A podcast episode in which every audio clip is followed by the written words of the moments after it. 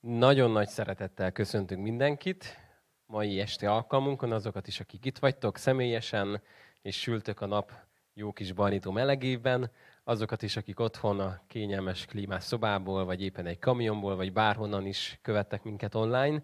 Egy nagyon-nagyon égetően aktuális és hihetetlenül megosztó téma az, ami ma előkerül, a betegség gyógyulásnak a témája. Hát kérjük az Isten áldását, hogy ő vezessen minket, mert egy nehéz fába vágjuk a fejszét, de hisszük azt, hogy Isten az, aki segít ebben minket. Gyertek, imádkozzunk.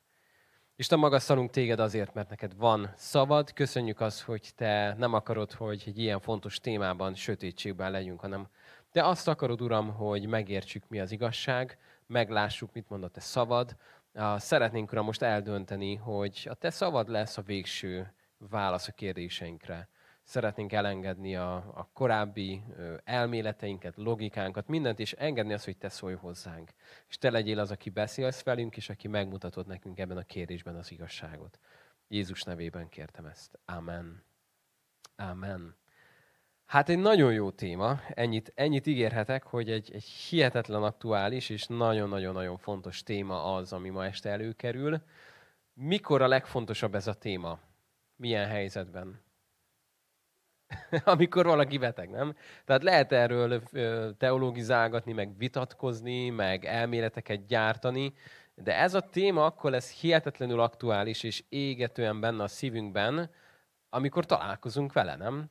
Mert lehet ezzel, erről egy jót beszélgetni egy finom kávé mellett, hogy te ezt gondolod, én ezt gondolom, ezt olvastam egy könyvet, te meg azt olvastad egy könyvbe, de mikor azzal találkozunk, hogy az ember belekerül egy ilyen helyzetbe, egy szeretted, egy gyermeked, lányod, fiat, férjed, feleséged, valaki egy ilyennel találkozik, mondjuk egy nagyon súlyos betegséggel, akkor minket már nem a filozófia érdekel, nem a teológiai hitvita, hanem az érdekel, hogy na most akkor mi van ezzel, nem?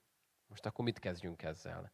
És nagyon sokan, akik az egyház történelem során átéltek nagy áttöréseket a gyógyulás, betegség téma kapcsán, az ő történetük nagyon sokszor úgy indul, hogy nem is nagyon érdekelte őket ez a terület egészen addig a pontig, amíg ők maguk nagyon meg nem betegedtek. Vagy a családjukból egymás után vesztette el egyik másik gyermekét, és egy idő után feltette a kérdést, hogy akkor most, most akkor mit kell tennem? Mindentől betett kézzel nézem, mert mindig azt kell mondanom, hogy az úr adta, az úr vette, vagy esetleg valami mást is, vagy hogy?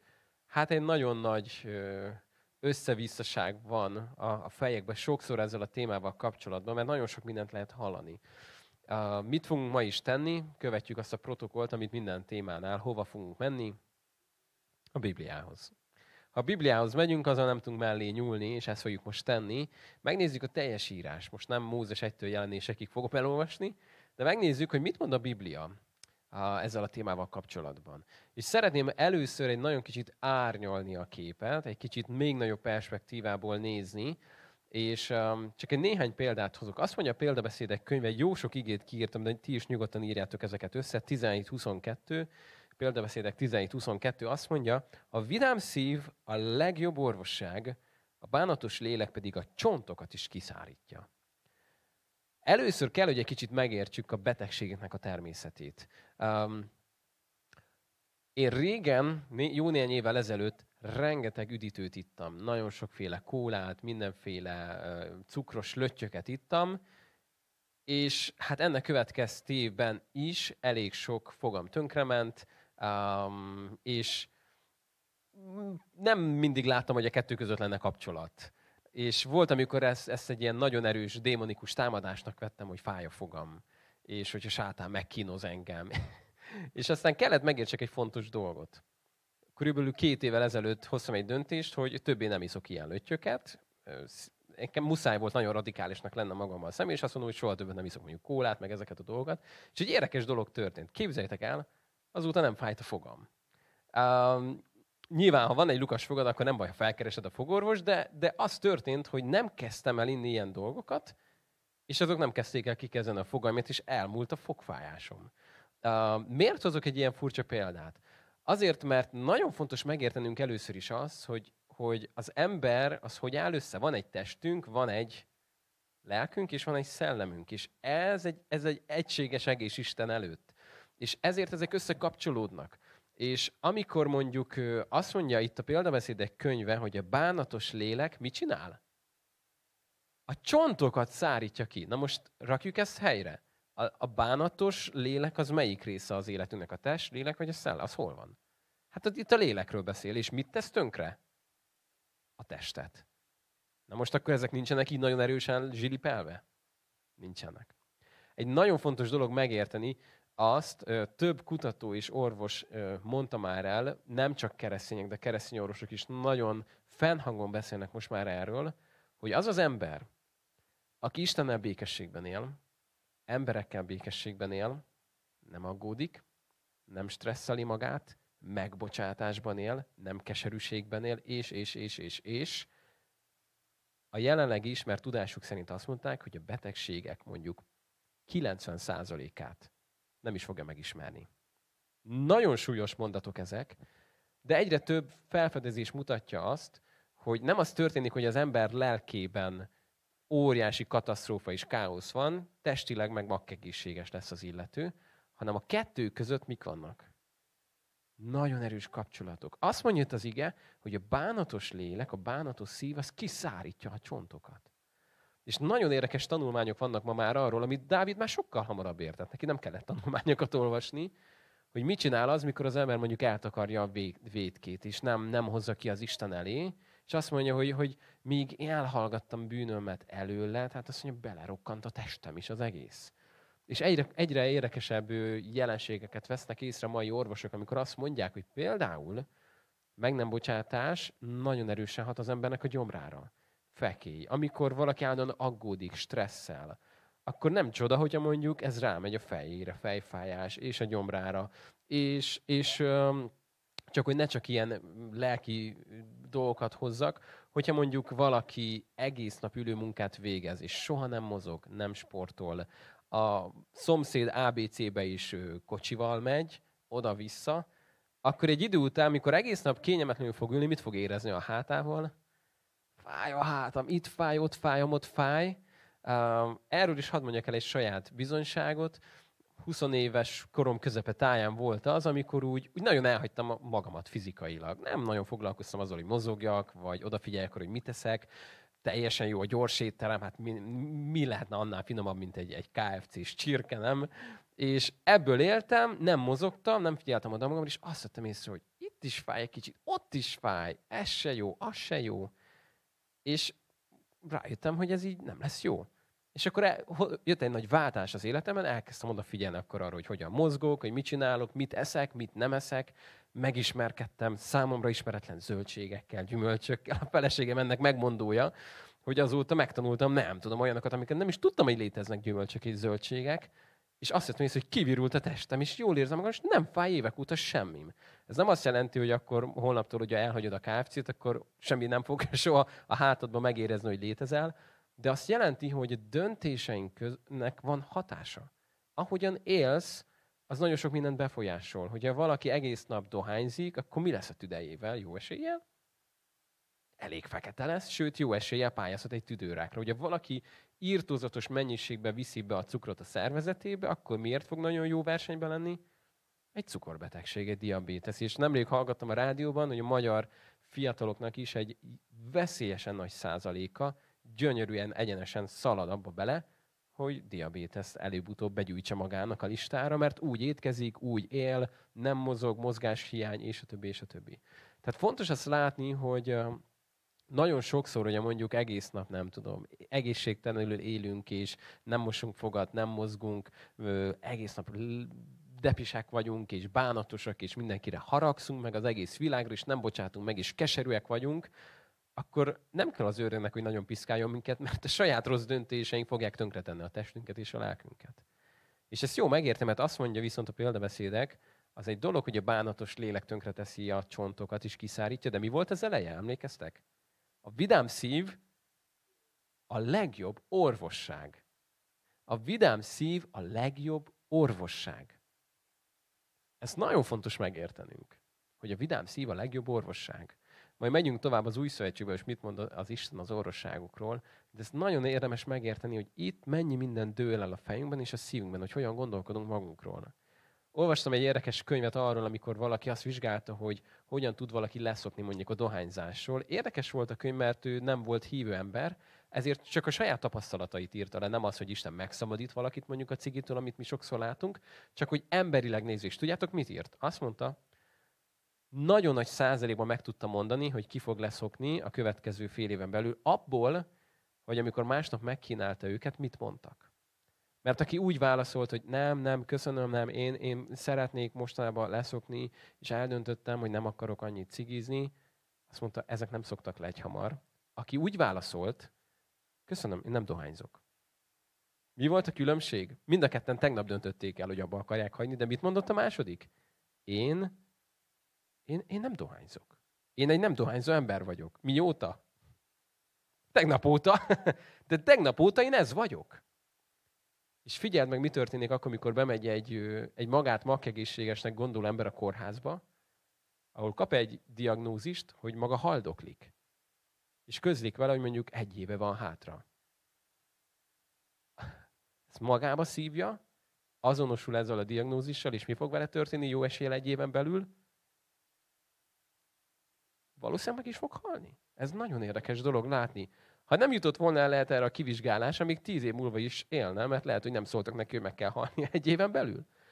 Nem akarom kifigurázni az orvosi rendszert, csak azt akarom megmutatni, mennyi múlik azon, hogy hogyan gondolkodunk. Nézd meg egy nyugdíjas embert, amikor véget ér a, a munkahelyi, a stressz, és, és mindaz, amivel eddig el volt foglalva, és ha nem tudja eldönteni, hogy mi, hogyan tovább, hogy mit fogok én csinálni, és azt érzi, hogy rám nincs szükség, én senki vagyok, nekem már nincsen dolgom, akkor látszik az, hogyan szinte napok alatt összeomlik.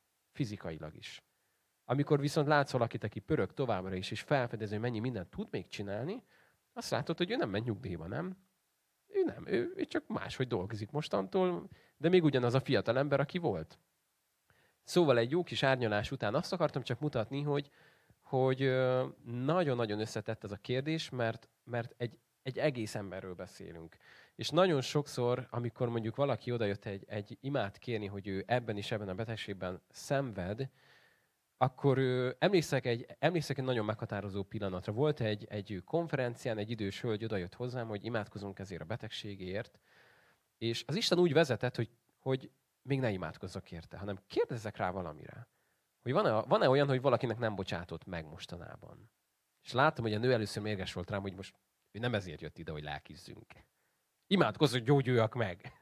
De mondom, nézzük már meg, hogy, hogy mi újság ezzel. És kiderült, hogy nagyon-nagyon erős meg nem bocsátás van a szívében az egyik rokona fel is. Ha élek, és én soha meg nem fogok neki bocsátani, pusztuljon meg úgy, ahogy van, mert ezt tette velem. És utána ebből lett egy jó hosszú beszélgetés. De ami történt az az, hogy amikor ez a hölgy el tudta engedni ezt a haragot, amit ilyen erősen szorított magában, ezt a meg nem bocsátást, akkor nagyon-nagyon rövidesen megtörtént a gyógyulás az életében. Mert ezek összekapcsolódnak nagyon erősen. Bánatos szív mit csinál a csontokkal? Kiszárítja. Ezért, ha szeretnél egészséges maradni, mit kell tenned? Örülnöd, mert azt mondja, hogy a vidám szív a legjobb orvosság. Te vagy örömmel, te vagy az Istennel, kerülöd az olyan egészségromboló dolgokat, mint a stressz, az aggodalom, a másoknak a gyűlölete, mindaz, ami méreganyag. Mert azt tudjuk, hogy vannak fizikai méreganyagok, de vannak lelki méreganyagok, amik ugyanúgy tönkreteszik az embert, csak lelkileg. Ha ezeket kerülöd, nem engeded be a szervezetedbe, akkor azt mondják bizonyos orvosok, hogy akár már a betegség 90%-ától elbúcsúzhatsz, mert soha nem fogod őket látni, és ez még csak az emberiség. Na menjünk egy kicsit bele akkor ebbe a témába, és akkor nézzük meg kicsit közelebbről is, azon túl, hogy a vidám szív a legjobb orvosság. Kettő krónikához lapozzatok. A 16. vers, a 16. fejezet egy nagyon-nagyon érdekes dolgot fog nekünk elmondani.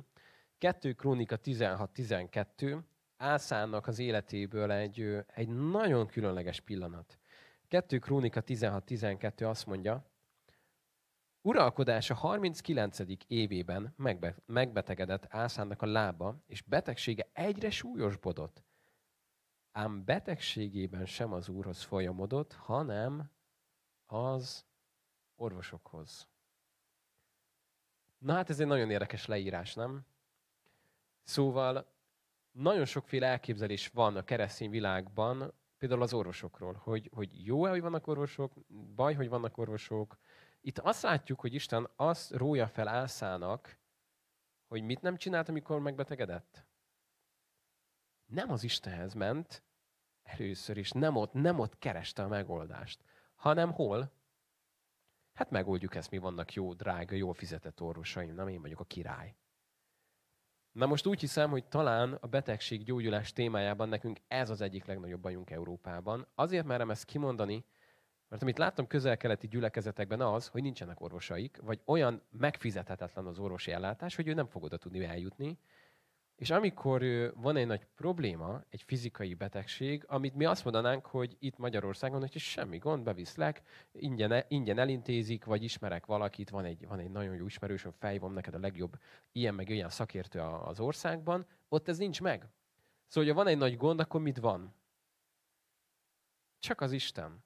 És beszélgettem ott egy fiatal, aki elmondta, hogy, hogy, hogy imádkozott egy másik barátjáért, egy muszlim barátjáért, akinek szét volt törve a keze, és amikor imádkozott, ott helyben az Isten meggyógyította, és azt mondja, tudod, az, az benne a legérdekesebb, hogy úgy voltunk, hogy ő is tudta, meg én is, hogy nincs pénze, hogy megműtsék. Nincs pénze. Nem is lesz jövőre, se tíz év múlva se lesz pénze, hogy megműtsék. Úgyhogy egyetlen dolgot tudtunk csinálni, hogy Istenhez kiáltottunk. Semmi megoldásunk nem volt. És egy érdekes dolog az, amikor ő Ázsiában, nagyon sok országból lehet már azt hallani, több barátom, akik most arra fele jártak, ezt szintén megerősítették, hogy muszlim, buddhista, hinduista, sokféle emberek viszik a betegeiket a gyülekezetekbe, mert azt mondják, hogy mi, még ne, mi nem hiszünk a ti istenetekben, de azt tudjuk, hogy a ti istenetek viszont gyógyít, a miénk meg nem. Szóval elhozzuk a betegeinket, hogy imádkozatok értük, és azt mondják, hogy nagyon sok megtérés úgy indul, hogy elhozza a muszlim, buddhista, akármilyen anyuka a kisfiát, akiért nem tudnak mit tenni, és hiába mindenféle voodoo, varázsás, mindent kipróbáltak, semmi nem segített, elvitték a gyülekezetbe, ahol semmi varázslás nem történt. A házi csoport összefordult, imádkoztak érte, és meggyógyult a kisbaba, és akkor azt mondják az emberek, hogy miért van az, hogy a te Istened működik, az enyém meg nem? És elindul valami az életükben. Szóval, amit talán mi itt nehezen tudunk átélni, az az Istentől való függés. Mert nagyon sokszor, amikor van egy súlyos betegség, akkor Isten hagyadik a listánkon? Hát sokszor a lista végén van, nem? Hogy végigjárom ezt, meg ezt, meg ezt, meg ezt, meg ezt, meg ezt, és amikor már semmi nem segít, akkor, ja Istenem, most mi lesz? Véget értem, már nincs több telefonszámom, nincs több megoldásom. Uh, azért nagyon kényes ez a terület, mert nagyon könnyen el lehet vinni végletekbe. Mire gondolok? Amikor egyszer gyerekként beleléptem egy rozsdás szegbe, és elindult az a piros csík felfel a lábamon, akkor nem volt otthon túl nagy hit vita, tudtuk, hogy ez egy egyszerű tetanus dolog, ám, anyukám elvitt a dokihoz, kaptam egy jó nagy inekciót, aztán mentünk haza. Nem örültem az inekciónak, de utána kaptam egy fagyit, annak örültem. Szóval egy egyszerű dolog volt, hogy tudtuk azt, hogy rozsdászeg, vérfertőzés és a többi, tökéletesen ki van rá fejlesztve egyetlen szuri. Jobban örültem volna az imának, de tudtam azt, hogy a szuri is működni fog.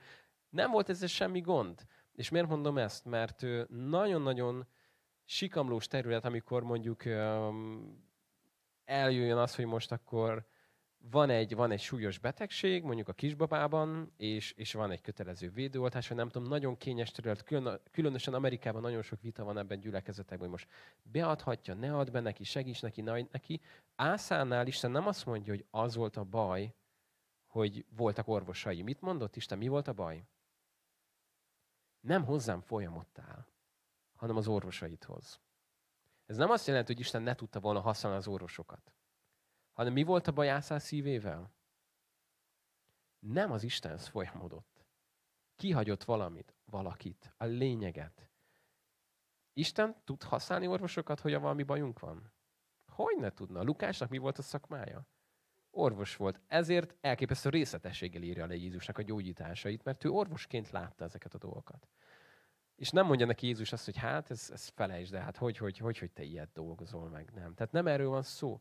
A sorrend az viszont nagyon fontos, hogy hogyan látjuk mi a megoldásokban ezt az egész kérdést is. Menjünk egy kicsit tovább. Az új szövetségben, nem én számoltam meg, valaki megszámolta helyettem, 109 hely beszél betegségről. Nem fogjuk mind a 109-et most elolvasni, nehéz lenne most mind a 109-en végig menni, de, de megnéznénk egy néhány dolgot, hogy mi volt ezeknek a történeteknek a célja, a lényege, mi az, amit leszűrhetünk, mint tanulság, mi az, ami, uh, mi az, amit ezt tanít nekünk Jézusról, és mi az, amit ezt tanít nekünk saját magunkról. Először is uh, nemrég a csodákról beszélgettünk, és néztük azt, hogy Jézus mikor gyógyított, azoknak a csodáknak nagyon sokszor mi volt a célja. Azért gyógyított meg mondjuk valakit, hogy a gyógyításon keresztül felismerjék őt, magát, mint a messiás, az Isten egyszülött fiát. És ez azért is volt nagyon egyszerű, mert a gyógyítás, amikor mondjuk egy béna elkezdett járni, egy vaknak megnyílt a szeme, az milyen? Az? Az csoda és látványos. Mindenki látja, nem? Mindenki látja, hogy ez eddig néma volt, most beszél. Ez eddig vak volt, most lát. Ez süket volt, most megnyílt a füle ez béna volt, és most ugrándozik. Tehát ez, ez mindenki látta, hogy Jézusnak erre van hatalma, és ezt meg tudja tenni. Na most a bűnbocsánat mennyire látványos? A szellemvilágban nagyon látványos, csak nekünk nincs olyan szemüvegünk általában, hogy mindig oda átkattintsunk. Ezért a bűnbocsánat, amikor valakinek új élete van, az nem ennyire látványos sokszor, és ezért Jézus meg akarta mutatni, nézzétek, látod, hogy milyen hatalma van ez a betegség felett? Így, ilyen hatalmam van. Na most azt mondja Jézus, higgyetek, ha másért nem magukért, a cselekedetekért. Mondja a Bénánál ugye, hogy meglássátok, hogy az ember fiának van hatalma bűnöket megbocsátani, na ezért mondom néked te Béna, hogy kelj fel, vedd az ágyad és menj haza.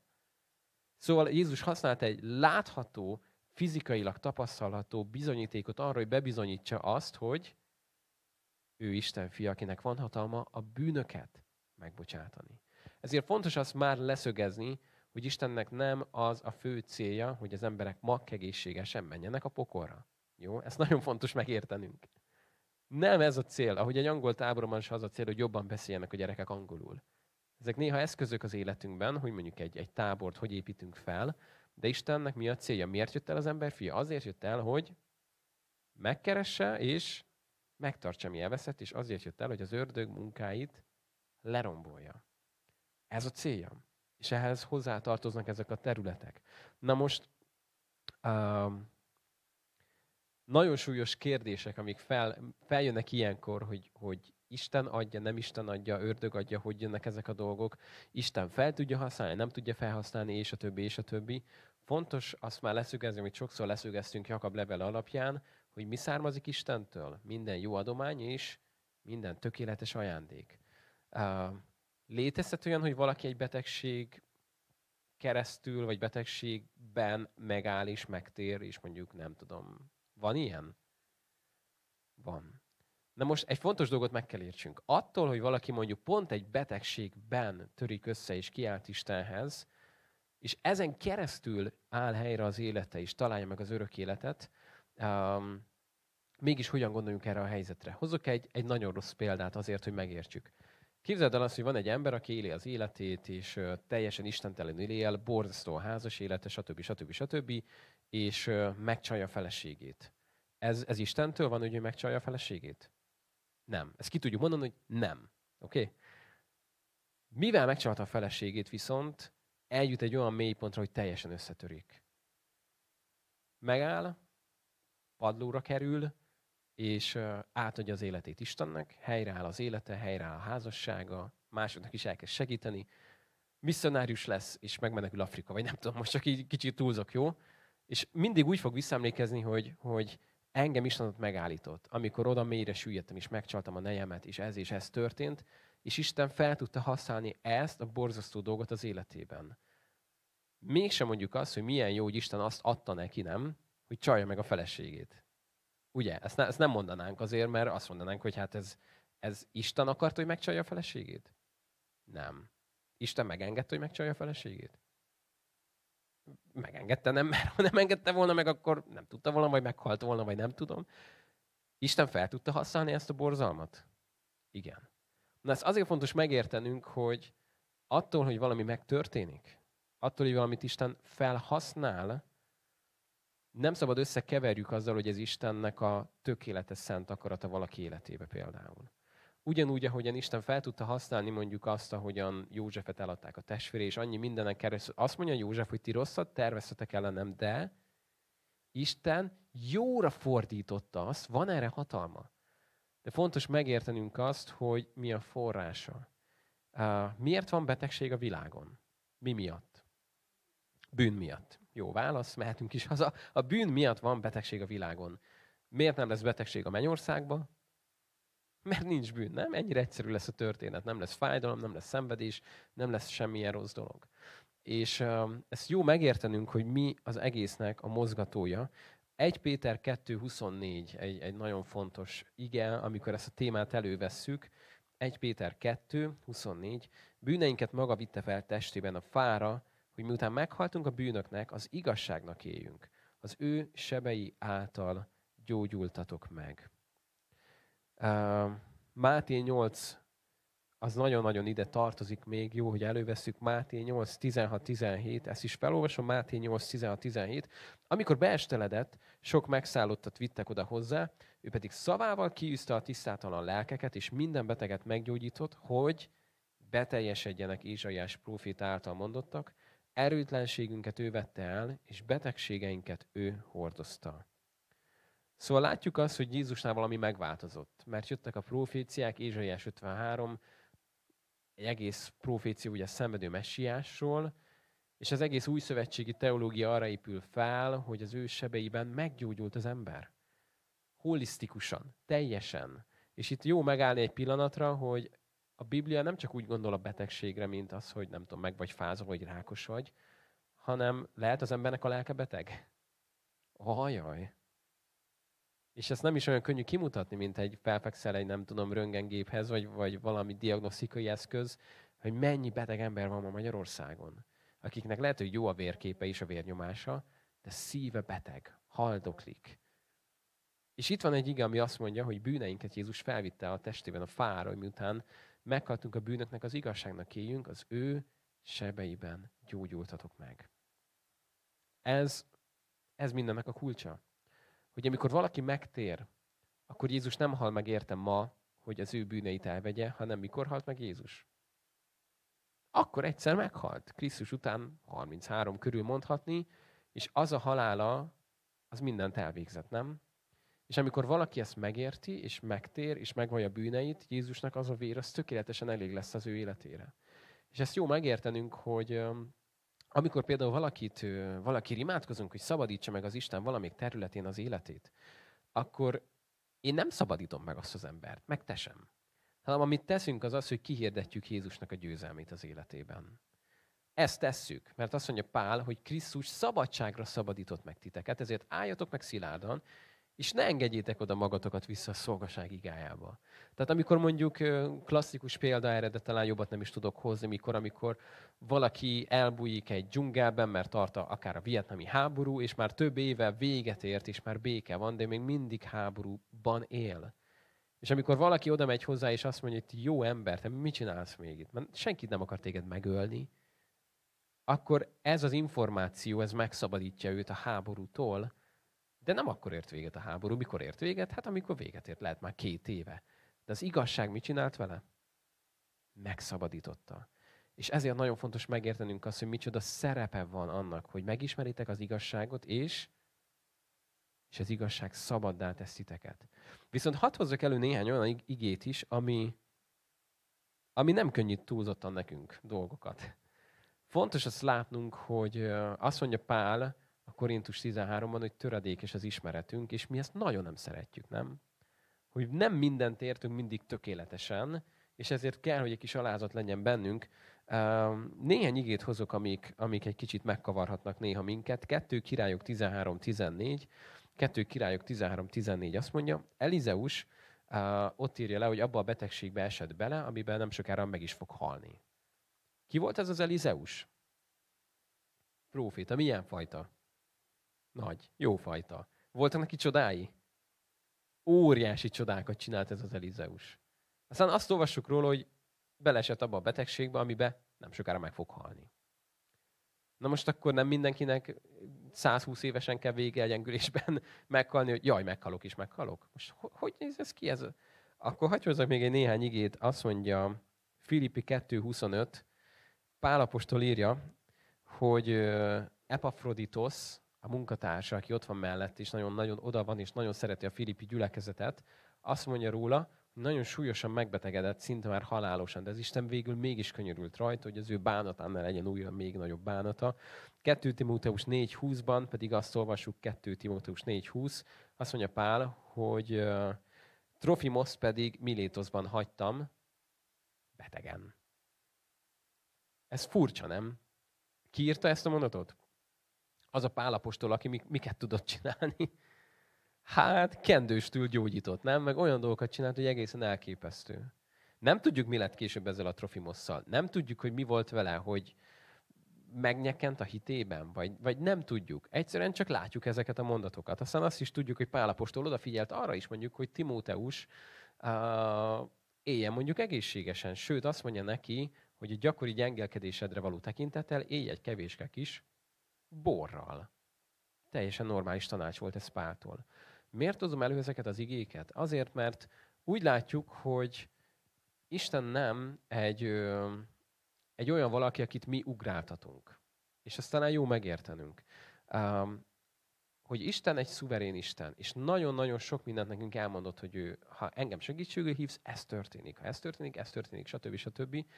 Nagyon-nagyon nehéz végig is megértenünk azt, amikor olyan dolog történik, amit nem értünk. És ilyenkor mit szoktunk néha csinálni?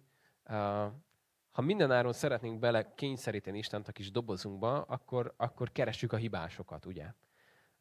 Az én életemben is több, több ilyen volt, amikor olyan, olyan megmagyarázhatatlan tragédiák történtek, hogy azt tudtuk mondani, hogy nem fér bele a rendszerbe. Hiba van a gépben. Valami nagy baj van.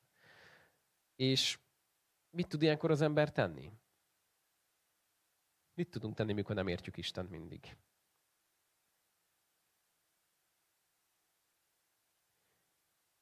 Bízni benne, és bízni benne, és bízni benne. Egy nagyon érdekes dolog Jónak a könyve. Ki az, aki szívesen lett volna Jobb helyébe? Kezet fel. Jobb egy, egy, hát egy nagyon kiváltságos helyzetbe került, de egész máshogy zajlott volna le az ő életében mindez, hogy elolvasatta volna az első fejezetet.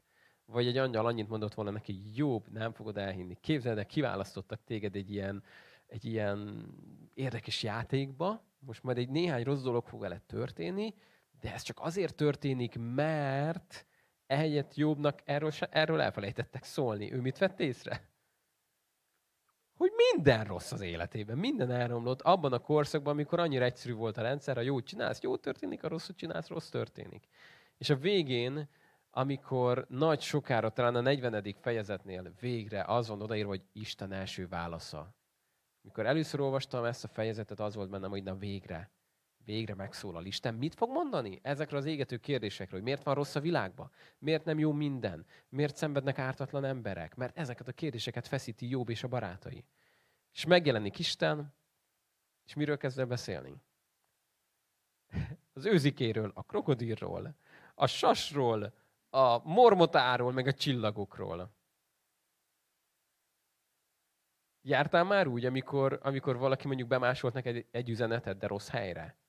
Én már jártam így, hogy valakitől kaptam egy levelet, elkezdem olvasni, és így a negyedik során mondom, ezt szerintem nem nekem akarta írni. Olvasom tovább, ez biztos nem nekem akarta írni. Levél felénél járok, mondom, hát ennek semmi köze. Ez, ez, ez biztos nem nekem akarta most mondani. Ha jobb lettem volna, valami ilyesmit éreztem volna, hogy, hogy Istenünk, úgy, te figyeltél arra, hogy éppen mi miről beszélgetünk? Tehát, hogy ez nagyon érdekes lehet egy zoológus társaságnak a budapesti állatkertben, amit te most elmondasz, de minket most annyira nem érdekel a mormota meg a hegyi zerge. Minket az érdekel, hogy miért szenvedünk a Földön, nem? És Isten csak mondja tovább. És azt mondja Jobbnak, Jobb, érted azt, hogy miért repül vissza az a madárod, ahonnan elrepült? Nem. Jobb, érted azt, hogy hogy raktam fel a csillagokat? Hogy hogy, hogy terítettem ki az univerzumot, meg a tejútrendszert, meg hogy bővül ez a galaxis? Jobb, érted ezt? Hát nem igen. Jobb érted azt, hogy hogy néz ki ez az állat, hogyan alkottam meg ezt is, hogyan félnek tőle, és hogy és, és jobb egymás után mindegyikre azt mondja, nem nagyon, nem, ezt se, ezt se, ezt se fogom megérteni. És azt mondja Isten Jobbnak, hogy jó, figyelj, mi van akkor, hogy a te életedben sem értesz mindent? És hogy elhiszed, hogy én jobban értek a dolgokhoz, mint te, mi lenne, hogy a bíznál bennem, nem? És azt mondja Jobb, hogy eddig beszéltem, most a kezemet a számra teszem. És megalázza magát az Isten előtt. És mi történik utána az életében? Egy teljes helyreállás. Többszörösét visszanyeri annak, mint amit elveszített. És hogyan kapcsolódik ez hozzánk? Úgyhogy néha az élet bonyolult. És különösen bonyolult akkor, mikor nem csak a saját döntéseinkkel nézünk szembe, hanem nagyon sok embernek a döntése következményével szembe kell nézzünk. Beszélek itt mondjuk egy családról, egy, egy házasságról, ahol nem csak a saját döntését, a férjed, feleséged döntései is ott vannak, a gyerekeid döntései is ott vannak. Hogyan, hogyan, hogyan lehet az egész rendszer jó, ha sokan körülötted rossz döntéseket hoznak? Hol lesz tökéletes a rendszer? Hát a mennyországban ott már hibátlan lesz. Ott semmi rossz nem fog elrontani a dolgokat. De addig, amíg ez történik, azt mondja az Isten, hogy bíz bennem. Abban, hogy én vagyok az az Isten, aki a megváltód vagyok, és azt mondja az Úr Szövetségben, hogy én vagyok az Úr, a te gyógyítód. Mert minden szónak vége egy. Nagyon sok minden okozhat betegséget, de egyetlen megoldás van. Ki az az egyetlen megoldás? Jézus Krisztus. Nincsen más. Nincsen más, akihez mehetnénk. És annyi minden igét vehetnénk még elő. Hát nézem, hogy mi az, amit még. Az új szövetségben, amikor előjött ez a téma, annyira szeretem Jakabnak az egyszerűségét. Beteg valaki közöttetek? Csináljon? Imádkozzék, hívják oda a gyülekezet féneit, kenjék meg olajjal, imádkozzanak érte. Az úrtól való ima majd felsegíti őt, sőt, a bűnt követett el még abból is ugye kegyelmet nyer. Én úgy látom, hogy az új szövetségi gyülekezetnek nem volt túl sok ideje hitvitázni. Nem nagyon azzal töltötték az idejüket, hogy most mindenki, senki, most hogy, most hogy vannak a teológiák, meg most te melyik szélén, meg hogy, meg mit vallasz. Azt mondja Jakab, fiúk, beteg valaki, ki a beteg? Hát hozzátok ide, imádkozzunk érte? És vannak olyan emberek, akik, akiket Isten nagyon erőteljesen használt, akár a gyógyítás ajándékával. Az egyik ilyen mondjuk Reinhard Bonke, nagyon érdekes, amit ő mondott. Azt mondta egyszer, hogy amikor úgy imádkozik mondjuk egy alkalom végén, hogy hozzák elé a tolószékes embereket, és imádkozik a századik emberért, azzal a hittel fog imádkozni, mint az első 99 ha meggyógyult volna, akkor is, ha egy se gyógyult meg közülük akkor is azzal a hittel fog imádkozni, hogy most itt vagyok, és imádkozok ezért az emberért. És azt mondja, nagyon sokszor az is volt, hogy mind a száz meggyógyult. Volt, hogy nem mind a száz, azt mondja, de ő már nem vitte teológiákba. Azt mondta, ő itt van, imádkozik hittel, teszi a dolgát, hirdeti az örömhírt, vannak ígéreteink, már 16 végét elolvasjuk, azt mondta Jézus, menjetek el, hirdessétek az örömhírt, és van egy ilyen kis munkakörű leírás, halálos a tisztok, és nem árt nektek. Habár rá kellett jönnöm, hogy ezt nem a kólára értette Jézus, hanem inkább valami másra. És az olyat is mondta, hogy betegekre teszitek kezeiteket, és, és azok meggyógyulnak. Miért? Azért, mert mindennek a lényeg az, hogy menjetek el és síressétek. És amikor erre szükség van, ott lesznek ezek a jelek, a csodák, hogy megmutassák azt, hogy ki az, aki velünk együtt munkálkodik, megpecsételve jelekkel és csodákkal az ige hirdetést. És a vége fele még nem tudnánk nem megemlíteni azt, hogy az új szövetség beszél az ajándékokkal kapcsolatban olyan lelki ajándékkal, ami különösen ide tartozik, ami mi? A gyógyítás ajándéka. Most akkor, ha nekem ez nincs meg, ne is imádkozzak, ha valaki beteg. Van olyan ugye, hogy evangélista. Akkor csak ő tegyen bizonyságot. Mindenkinek bizonyságot. E, ez az életünk, mindenki bizonyságot tesz. De mi van akkor, ha valaki evangélista? Azt megismered. Mert az most lehet most is kint van az utcán valahol éppen, és amikor ő elkezdi bizonyságot tenni, ő nem azt látod, hogy te jó, én most bizonyságot fogok tenni, hanem ó, gyere ide, gyere csak ide, te még nem vagy megtérve. Ó, mit kell elmondjak neked? Gyere, ülj le, ugye van öt percet. És már mondja, mondja, mondja, mondja, mondja, mondja, mondja. És látszik az, hogy térnek és térnek és térnek meg az emberek. Szóval látszik az, hogy van egy olyan elhívása erre, hogy mindenki bizonyságot tesz, mert nem tudnánk nem tenni. Hát ott van belünk zárva, nem tudjuk elrejteni, de őt ebben Isten nagyon elhívt és nagyon megáldja. Na most mindenki imádkozik ugye betegekért, és, és ez egy nagyon fontos része az életünknek. De amikor Isten valakit meg ajándékoz ezzel, a gyógyítás ajándékával, az mit jelent? Igen, azt jelenti, hogy ő ezt fogja csinálni, és úgy fogja csinálni, hogy ennek vannak gyümölcsei az életében. Egyrészt olyan gyümölcse, hogy ha, ha ismersz olyan embert, vagy te magad olyan ember vagy, hogy hallasz egy betegről, és így, hm, jó, hát beteg biztos rossz lehet, engem úgy annyira nem izgat, örülök, hogy nem vagyok beteg. Vagy ha bemész egy kórházba, így fordulsz ki, hogy te jó ég, itt beteg emberek vannak. Ellenben, amikor valakit Isten elhív, nagyon sokszor az történik, ha lát egy beteg embert, mi történik vele? A szíve szakad meg, és elkezd érte imádkozni és meg, meg állítja, megrendíti az ő szívét, és olyan szinten írgalomra indul, hogy azt mondja, hogy én nem mehetek tovább, nekem most itt meg kell álljak, és imádkozni fogok ezért az emberért. Hogy meggyógyuljon, és megismerje Jézusban a megváltót. Hogyha valami ilyesmi buzog a szívedben, akkor, akkor kérd az Istentől, hogy adjon neked ebbe világosságot. És hogyan lehet ezt jól csinálni? Hogyan lehet felfedezni ezt? Elkezdett használni. Uh, Rémisztő kérdés, de higgyétek el, nem rémülnek meg az emberek. Ha egy beteg emberrel találkozol, és felteszed neki azt a rémítő kérdést, hogy imádkozhatok érted? Soha nem találkoztam még olyan beteg emberrel, aki azt mondta volna, hogy te hogy is imádkoztatsz? Hogy mit gondolsz? Mit képzelsz? Hát azt akarod, hogy meggyógyuljak? Mindenki azt mondja, hogy imádkozzál, értem. Tényleg? Hát jó, persze.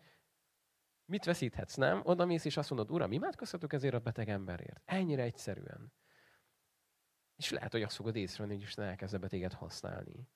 Ébredési történetekben olyan sok ilyet lehet olvasni, hogy a helyi orvosok, amikor nem tudtak valakivel mit kezdeni, olyan súlyos volt a betegség, akkor azt mondták, azon túl, hogy ennyi ideje van hátra, vesző, azt azért javasoljuk magának, hogy keresse fel ezt a gyülekezetet. Az orvos mondta, több ébredésben is le van írva, hogy amikor már nem tudtak mit mondani az orvosok, azt mondták, hogy mi itt megállunk, nem tudunk már mit, mit orvosilag nem tudunk magán segíteni, de úgy halljuk, hogy abban a gyülekezetben nagyon furcsa dolgok történnek jó értelemben, és, és én, ha az ön helyében lennék, elmennék oda megnézni ezt. És megnézem, hogy mit csinálott az Isten. És ezek nagyon jó példák arra, amikor Isten elkezd ezt használni az ő dicsőségére. És utolsó kis, kis szösszenet még, hogy itt fontos volt az, hogy az ő dicsőségére nem a gyógyító dicsőségére. Ugye? Nem az a célja Istennek, hogy valakit kiválaszt, és azt mondja, te vagy a gyógyító. Mert ki a gyógyító? Ő a gyógyító. Ő a gyógyító. Spurgeon egyszer azt mondta, amikor hallott másokat prédikálni, hogy hát hallottam Moody-t, meg ezt, meg nem tudom éppen kiket említett prédikálni, és lehet, hogy jobban prédikálnak, mint én, de nem tudnak jobb örömhírt prédikálni, mint én. Mert az ugyanaz. Nem tudunk más kitalálni. Ez van. Ez az örömhír. És vagyunk, különbözőek vagyunk temperamentumban, mindenben különbözőek vagyunk, de Isten még mindig ő az, aki minden. Az alfa és az omega. Ő a gyógyító, ő az orvosok orvosa, ő az, akinél ez mind ott van. És ezért, hogy ilyen helyzetben vagy, akkor rá van szükséged. És igen, van egyfajta misszérium ebben a témában. Nem, nem biztos, hogy mindig mindent tökéletesen értünk, és nem biztos, hogy mindig mindent meg tudunk magyarázni. És vannak kérdések is, és arra bátorítlak, hogy nem baj az, hogy van egy kis alázat a szívünkben. Én akit ismertem, egy idős testvér, sokat meséltem már nektek róla, aki nagyon hitelesen végezte ezt a szolgálatot, és elhívtuk egy beteghez, hogy akkor most megint gyere és imádkozz, mert ilyenkor te ezt csinálod, és meg fog gyógyulni. És olyan alázattal csak annyit mondott, egy jó ideig csendben volt, figyelt az Úr, és annyit mondott, hogy nekem most azt mondja az Úr, hogy ne imádkozzak itt. És én azt gondoltam, hogy ne, hát te csinál már rutinból, te jössz, dir, dur, puf, paf, és kész vagy. És olyan érdekes volt látni idős korában annyi gyógyítással a háta mögött, olyan alázattal figyelt az Istenre. Mert tudta azt, hogy itt az Isten az, aki cselekszik, nem én. Én egy eszköze vagyok. Én egy eszköze vagyok ebben. És szeretném, hogy ezt tudnánk a helyére tenni a szívünkben is, hogy Isten cselekszik, nem szűnt meg cselekedni. Szerintem Isten akkor nem gyógyítana már, hogyha nem lennének betegek a Földön. Most vannak betegek? Testi betegek vannak, tele vannak a kórházak. Lelki betegek vannak? Elképesztő számban. Ha egy szerető Istenünk van, már pedig az van, és egy jó Istenünk van, akkor hogyan tudnál azt mondani, hogy hát én többet nem foglalkozok ilyenekkel. Ő akarja használni a népét abban, hogy az embereket megszabadítsa, elsősorban nem a migréntől és nem a betegségektől, nem az a legfontosabb, hanem mitől? A bűneiktől. Viszont Isten látja az egész embert, és az egész emberrel törődik. És igen, nem biztos, hogy mindenkit, akit Jézus meggyógyított, nem lett mindenkiből elkötelezett tanítvány. meggyógyít tíz leprást, és egy megy megköszönni. Na most képzeld el, hogyha te tudod, hogy az a kilenc nem fog visszajönni. Ha meggyógyítanád őket is. Jézus meggyógyította úgy, hogy tudta, hogy belőlük nem lesz tanítvány. Nem fognak jönni, nem fognak követni engem. Még csak meg se köszönik. De mégis megtette. Miért? Mert szerette azt a, azt a tíz embert. És amikor ez ott van benned, hogy, hogy ezzel a szeretettel tudsz kinyúlni a másik felé, akkor rájössz, hogy az egész világ erről szól, nem? Hogy mindenhol látni fogsz ilyen embereket. És, és mi van akkor, hogyha mondjuk holnap a munkahelyeden, ha azt mondja valaki, hogy te jó ég, szétmegy a fejem, akkor nem azt nézed meg egyből, hogy van-e nálam algopirin, hanem először megkérdezed tőle, hogy figyelj, imádkozhatnék érted? Én hiszek abban, hogy az imának ereje van, és az Isten nem cselekszik. Megengeded, hogy imádkozzak érted. Utána kell szerzek neked aspirint is, hadd imádkozzak érted, jó? Hidd el, hogy nem fognak kirúgni ezért. Szerintem legalábbis. De, de mi van akkor, hogy elkezd Isten használni itt téged? És elkezd valami megtörténni. És, és amikor megtörténik, akkor nem azt mondod majd, hogy hát tudod, én amúgy így hobbi gyógyító vagyok, és van egy, egy Facebook oldalam is, ott megkereshetsz, hanem azt mondod, hogy tudod, hogy miért működött ez? Azért, mert van egy Isten, aki ezt tette. Nem én tettem. Ő, ő az, aki ezt csinálja. És rámutatsz az Istenre, neki adod a dicsőséget. És rájössz abba, hogy egy ilyen rossz helyzetből is Isten elkezd jót létrehozni. Szeretném, hogy most megállnánk, és, és hálát adnánk azért, hogy, hogy az Isten törődik velünk, és hogy ő az, aki mindent elvégzett. 103. Zsoltár olyan gyönyörűen mondja, áldjad az Urat én lelkem, mert ő az, aki megbocsátja minden bűnödet, és meggyógyítja minden betegségedet. És igen, ő az, aki ezt teszi. Ő az, aki ezt teszi. Pál azért azt is kifejt, hogy igen, most a testünk még egy, egy porsátor. Szóval, hogy még nem az, ami, mert mit várunk még? A lelkünk szellemi megváltása tökéletes. Mond viszont Pál egy olyat, hogy a testünk megváltásáért még azért sóhajtozunk, nem? Mert legyél bármennyire az Úrral, ha már 105 éves vagy, akkor nem fogsz úgy ugrándozni, mint a 7 éves fiam. Jó eséllyel. És azt fogod érezni, hogy egy kicsit ráncosabb is lettem. Most meg is kérdezték a gyerekek, apa, te miért vagy ilyen ráncos már? Hát mondom, ez, ez még csak a nevető mimik. Azt mondja, a homlokodon hogy nevetsz? Mondom, ha váltsunk témát. Szóval látjuk azt, hogy porsátorban vagyunk, de tudjuk azt, hogy Isten mindent elvégzett. És vár ránk egy új test, egy új, tökéletes, minden fantasztikus és jó lesz. És régi néger spirituáléban énekelték, hogy a mennybe lesz nekünk papucsunk. Mert a földön nem volt nekik egy se. Azt mondták, a mennybe az új testet már papucsal járjuk. Megvolt bennük ez a reménység, hogy az örökké valóságba készülünk. Gyertek, adjunk ezért hálát. És nem köszönöm azt, hogy te egy jó Isten vagy. Köszönöm azt, hogy neked vannak válaszaid. És köszönöm azt, hogy bármilyen betegségbe, bármivel találkozunk, nem kell Ászál példáját kövessük, hanem legelőször hozzád kiálthatunk. És köszönöm, Atyám, én hálát adok azért, Uram, hogy egy, egy olyan világban élhetünk, ahol Te megáldottál orvosokat, van egészségügyi ellátás, és hálásak vagyunk értük, Uram. De köszönöm azt, hogy mégis Te vagy minden mindenben. Te vagy, Uram, az, aki ezt kiálthatunk, és Te vagy az, aki megoldás vagy a bűneinkre, a szenvedéseinkre, bármilyen lelki, bármilyen traumára, sérülése. Te vagy, Uram, az orvosok orvosa. És köszönöm, Atyám, hogy így jöhetünk hozzád, és köszönöm, hogy arra is akarsz minket bátorítani, felhasználni, hogy amikor annyi, annyi beteg ember, annyi, annyi rokkant ember van a környékünkön, szeretnénk, Uram, hittel imádkozni értük, és, és a többi Uram, rád bízzuk. Nem a mi dolgunk, Uram, hogy a fal leomoljon, de, de amit ránk bízol, hogy körbejárjuk, azt megtesszük. És amígy szeretnénk azt, Uram, hogy ez a nemzet azt látná, hogy nálad van valós erő, valós hatalom, és hozzád kiáltanának. És köszönöm, Atyám, hogy Te kész vagy meggyógyítani ezt az országot. Szeretnénk, Uram, hogy ezt tennéd, Kélek, hogy jöjj és használj minket, és kélek, Atyám, hogy, hogy a gyülekezetünkben is had erősödjön meg, akár a gyógyításnak ajándéka, hadd tudják sokan felfedezni ezt a szívükben elrejt, hogy te ezt oda raktad nekik, és tudják ezt felgerjeszteni az életükben.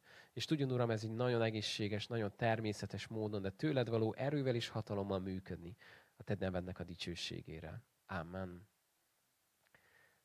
Egy hét múlva csak, hogy megpihenjünk, egy sokkal nehezebb téma jön. az üdvösségünknek az elveszíthető vagy nem elveszíthető volta. Ez egy nagyon egyszerű téma, mégis az egyház 2000 éve kövezi egymást, és vitáz, viták hadát folytatta már le, hogy most el lehet veszíteni, nem lehet elveszíteni, most mi van, hogy van. Próbáljuk ezt egy kicsit jövő héten rendbe tenni az ige alapján, úgyhogy lehet újra fel pörgetni a Biblia alapjait, hogy mit mond erről Isten igéje, mert nekünk ez a legfontosabb, nem az, hogy a zsinat mit mondott, hanem hogy mit mond erről a Biblia. Ezt fogjuk megnézni egy hét múlva. Most pedig vár ránk még egy nagyon zaftos, nagyon-nagyon izgalmas beszélgetés, ahol a kérdések úgy fognak kezdődni, hogy na de, na de, na de mi van akkor, ha? Úgyhogy ezekből sem maradj ki, hogyha most csak online tudtál minket követni, legközelebb bátorítunk, hogy gyere el személyesen itt a beszélgetésre is. Isten áldjon titeket!